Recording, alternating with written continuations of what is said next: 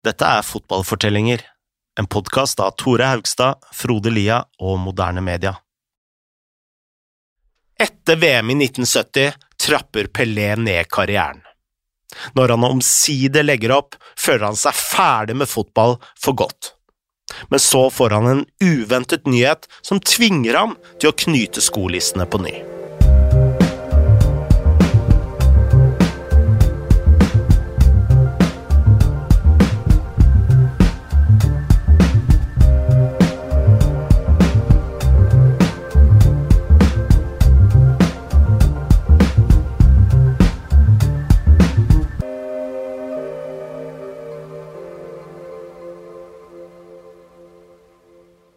Pelé spilte sin siste kamp for Brasil i juli 1971 i en vennskapskamp mot Jugoslavia på Maracana. Da Brasil skulle spille VM i Vest-Tyskland i 1974, var han 33 år, og både Havelange, Zagallo og Brasils president Ernesto Geisel trygla ham om at han skulle bli med. Men Pelé lot seg ikke rikke. Han hadde fått råd fra sin far om at han aldri burde stoppe når andre ba ham om det, men heller når han var helt på topp av karrieren. Det er slik du vil bli huska, hadde Dondinho sagt, og som alltid hørte Pelé på pappa. Pelé tok et par sesonger til med Santos, men uh, han merka det veldig godt at han likte det mindre og mindre. Han var lei av hoteller og flyplasser og innsjekking og bagasje her og bagasje der og dette slitsomme livet han hadde blitt så vant med. Og så merka han også at lagkameratene ga seg én etter én, og at han fikk færre og færre venner på laget. Dessuten hadde Pelé også fått en sønn som het Edinho.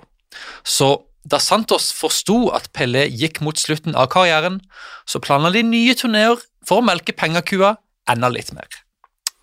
Pelé vant en ny tittel i det statlige mesterskapet i 1973, og ble toppskårer igjen. I 1974 la han opp etter nesten 19 år i Santos. Han hadde vunnet seks nasjonale ligaer, ti statlige ligaer og smadret omtrent det som fantes av individuelle målrekorder. Og Pelé, han var godt fornøyd. Utenom en oppvisningskamp her og der, var han overbevist om at han aldri skulle spille profesjonell fotball igjen. Så spørsmålet her var jo hva så Pelé for seg nå? Vel, han hadde lyst på et liv som var både variert og spennende. Han ville fortsette å investere i ulike selskaper og forretninger, gjerne innen sport. Han ville lære fotball bort til barn, og kanskje kunne han også gjøre litt PR-arbeid, tjene litt ekstra penger, kommentere kamper for TV og sånne ting. Men vent nå litt her. Vi har jo sett tidligere at Pelés finansielle teft ikke var så veldig veldig skarp. Så hvordan gikk det med disse finansene nå? Pelé hadde allerede latt seg lure av Pepe Gordo, og nå viste det seg at Pelé hadde gått i fella nok en gang. Han hadde kjøpt opp 6% av aksjene i et selskap som heter Fiolax, et uh, selskap som lagde bildeler. Og selv om Fiolax uh, gjorde det dårlig, så var det jo fair nok, for Pelé hadde simpelthen uh, bare investert penger i feil selskap, og han var jo ikke akkurat noe Gordon Gekko. Men så kom det fram at Pelé hadde også signert et dokument som ga ham ansvaret for et banklån som selskapet hadde tatt opp, altså som kausjonist. Og nå som Fiolax var gått konk og ikke kunne betale tilbake lånet, så fikk Pelé selv regninga. Og dette lånet var på mer enn én million dollar. Pelé innså nok en gang at han hadde vært en fullstendig komplett finansiell idiot. Han trengte pengene nå kjapt, og den eneste løsninga var å ta på seg fotballskoene igjen. Og nå kunne han jo dra nesten hvor han ville, for hvem ville ikke ha Pelé? Lagene i Europa sto fortsatt i kø, men Pelé ville ikke ha dette samme sportslige presset som han hadde hatt så lenge i Santos.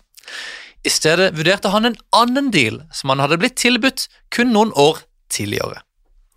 I 1972 hadde Pelé vært i Jamaica og møtt Clive Toy, den daglige lederen for New York Cosmos.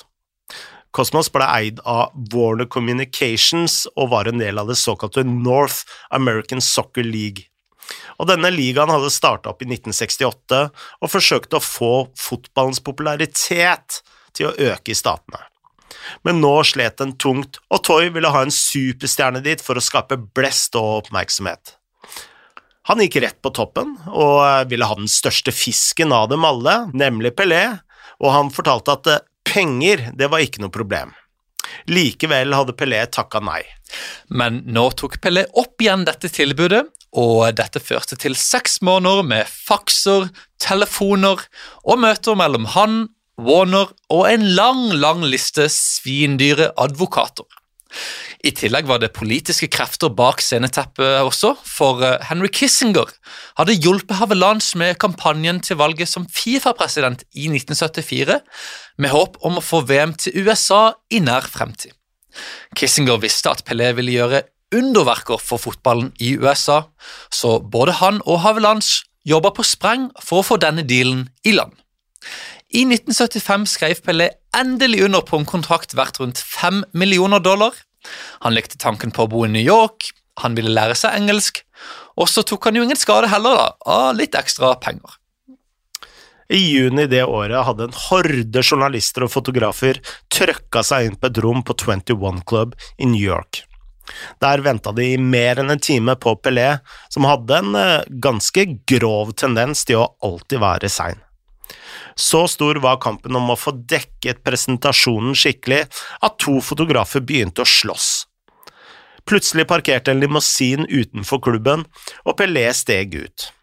Han gikk opp til rommet, tok plassen sin og smilte til pressen. Nå kan dere fortelle hele verden at fotballen endelig har kommet til USA. Pelé hadde med seg Julio Massei, altså fitnesstreneren fra Santos, som hadde blitt med som en slags assistent og personlig agent og hadde fått en rolle i trenerteamet og var egentlig en slags fikser og sånn one man entourage for Pelé. De neste månedene tilbrakte Pelé mye tid sammen med en reporter som het David Hershey, som jobba for The New York Daily News, og som holdt på å skrive en bok om Pelé i USA. Pelé fortalte Heshi at da Warner inviterte meg til å komme hit, så skjønte jeg at dette var en sjanse til å gjøre noe jeg aldri hadde prøvd før, nemlig å introdusere sporten jeg elsker, til et nytt land. Jeg hadde mange mange andre tilbud etter at jeg la opp i Santos, men om jeg drar til Italia, Spania eller Mexico, hva får jeg egentlig? Svaret er mer penger, og det er fint, men eh, det er egentlig ikke noe nytt. Om Pelé skulle gjøre fotballen stor i USA, så hadde han en stor jobb å gjøre. Da Hearsay hadde skrevet saken om at Pelé hadde signert for New York Cosmos, var det første gang at avisa hadde en fotballsak på baksiden. Da Cosmos hadde vunnet ligaen i 1972, hadde kun 6000 mennesker dukket opp for å se finalen, og halvparten av dem var der kun fordi de hadde fått gratisbilletter da de hadde kjøpt en double whopper på Burger King. Dessuten var ligaen full av avdanka utenlandske spillere og middelmådige amerikanske lokale navn. Pelé trengte pengene sjøl, men den amerikanske ligaen trengte han enda mer. Hershey hadde en fin metafor på dette. Han skrev at amerikansk fotball hadde festa Pelé til ryggen som en dykker med en tank oksygen. Dessverre for Pelé var ikke Kosmos like gode som de hadde vært. Ligaen i 1974 var delt opp i fire små divisjoner, sør, nord, øst og vest, og Kosmos hadde havna sist i den nordlige divisjonen det året. Pelé måtte også venne seg til nye regler, i 1974 hadde den amerikanske ligaen gjort det umulig å spille uavgjort. Kampene skulle heller avgjøres med straffespark, og om man vant en kamp etter ordinær tid, fikk man seks poeng. Om man vant på straffer, fikk man tre poeng. Og i tillegg fikk man et ekstrapoeng per mål. Man hadde skåra helt opp til tre mål. I 1975, altså da Pelé signerte, endra de reglene igjen. Nå skulle uavgjorte kamper avgjøres med et kvarter med golden goal, altså ikke to ekstraomganger, men kun et kvarter. Og om ingen av lagene skåra da, så ble det straffer. Men nå ble denne typen seire kun belønna med ett poeng. Cosmos spilte på nedslitte Downing Stadium, en stadion fra 1930-tallet som lå på Randalls Island, og selve banen var stort sett eh, fullt av steiner og jord. Treneren var engelskmannen Gordon Bradley, som eh, faktisk hadde markert Pelé for New York Generals i en 5-3-seier mot Santos i 1968. Pelé tok plass på tribunen de første to kampene og så sitt nye lag tape begge. Det var tydelig at det gjensto mye arbeid, skrev Pelé. Snart gjorde Pelé sin debut i en vennskapskamp hjemme mot Dallas Tornado. To timer før avspark ble billetter som har vært 6 dollar, solgt svart for 100 dollar. Kampen ble sendt på TV i 22 land og dekka av 300 journalister. Mer enn 20 000 trøkka seg inn på Downing Stadium, som var fullt hus, og mer enn fire ganger så mange som hadde sett forrige kamp. Banen var i så dårlig stand at Toy, altså den daglige lederen, var ute på matta og spraya jordflekkene med grønn maling, sånn at det iallfall skulle se ut som at Cosmos spilte på en skikkelig fotballbane av gress. Michelangelo hadde Det sixtinske kapell, sa Toy. Pelé han fornøyer seg med Randalls Island. Pelé leverte varene umiddelbart. Han skåra med en praktfull heading og jubla med å slå i luften. Da han kom inn i garderoben etter kampen, så han til sin store forskrekkelse at beina hans hadde blitt helt grønne. Han eh, trodde faktisk at det var en sjelden sykdom, før Toy rolig forklarte at fargen kun var maling. Pelé fant snart ut hvor elendig og håpløst dette laget faktisk var. Teknisk sett var spillerne svake, og de var fysisk sett enda dårligere trent. Og metodene her var jo heller ikke særlig moderne. Uh, en gang så trenerstaben at de latinske spillerne frøys i kulda i New York, så de satte ut noen glass med whisky som spillerne kunne varme seg med før økta starta. Og Pelé, som aldri hadde drukket, var jo sjokkert over dette, og det var jo kanskje ikke så rart at Kosmos ikke kom seg til playoffen den sesongen. I august etter sesongen dro Cosmos ut på turné i Europa og de karibiske øyer. Pelé var redd for å bli latterliggjort fordi laget var så dårlig, og han ble ikke akkurat beroliget da de dro til Sverige og tapte 5-1 mot Malmö. Vi spilte også på Ullevål mot et uh, Vålerenga-lag som hadde et par ekstra forsterkninger for anledningen, og på en kald og våt dag skåra Odd Iversen etter tre minutter, før Pelé skåra foran 18 000 tilskuere, og Kosmos vant den prestisjetunge kampen 4-2. Deretter dro Kosmos til Roma, Haiti, Jamaica og Puerto Rico.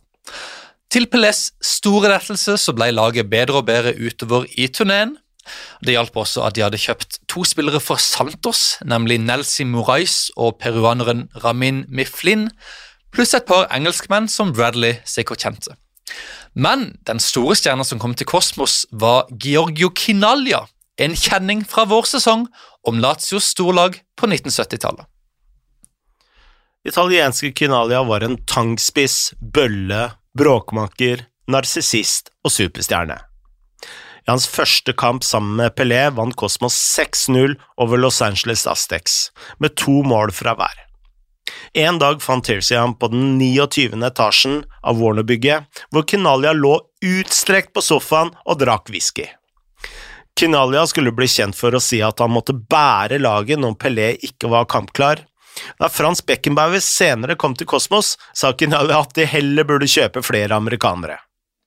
Hver gang jeg puster, ser jeg ut til å fornærme noen, sa Kinalia til Hearsay. Om en hund setter et bein i halsen her, så skylder folk på Kinalia. Med Kinalia og Pelé kom Kosmos på andreplass i den nordlige divisjonen i 1976. I playoffen tapte de mot Tamper Bay Roadies i det som i praksis var kvartfinalen, men selv om Kosmos ikke vant tittelen, så var Pelé likevel populær. Han gikk alltid av banen i bar overkropp fordi folk ville ha drakta hans, og eh, i Chicago hadde Cosmos spilt for en 28 000 tilskuere. Da neste lag dukka opp for å spille der, kom det kun 3500. Pelé ble i New York ett år til. Han var så berømt som en fotballspiller kunne bli i USA, og kona elska New York, og han koste seg også. Som del av kontrakten gjorde han intervjuer, photoshots og dukket opp på NFL og baseballkamper. Dette betød ikke at han likte noen av sportene, og han sovna ofte da han så baseball. Han bodde på Manhattan, men selv ikke lagkameratene fikk vite adressen. På fritiden hang han i en legendarisk klubb som het Studio 54, hvor han festa med kjendiser som Woody Allen, Frank Sinatra, Mick Jagger og Rod Stewart. En gang gikk Kersey inn i det røykfulle lokalet og så Pelé med to blonde, vakre modeller rundt armene. Dette er ikke for boka, sa Pelé med et smil. I 1977 signerte Cosmos Beckenbauer og Carlos Alberto og kom på andreplass i divisjonen. I playoffen cruisa de til finalen, altså det såkalte Soccer Bowl, hvor de slo Seattle Sounders 2-1 etter et seint mål fra Kinalia. Pelé var amerikansk seriemester. Igjen kunne han gå ut på toppen. Det ble den siste sesongen til Pelé. Han sa adjø med en turné i Japan, Venezuela, Trinidad og Tobago, India og Kina. Så stilte han opp på sin siste kamp på Giant Stadium, hvor Cosmos møtte Santos. Foran 75 000 tilskuere spilte Pelé én omgang for hvert lag, og da sluttsignalet gikk, brast han sammen i gråt. Han var nesten 37 år nå, og selv om Marseille sa at han kunne fortsette, så var Pelé bestemt.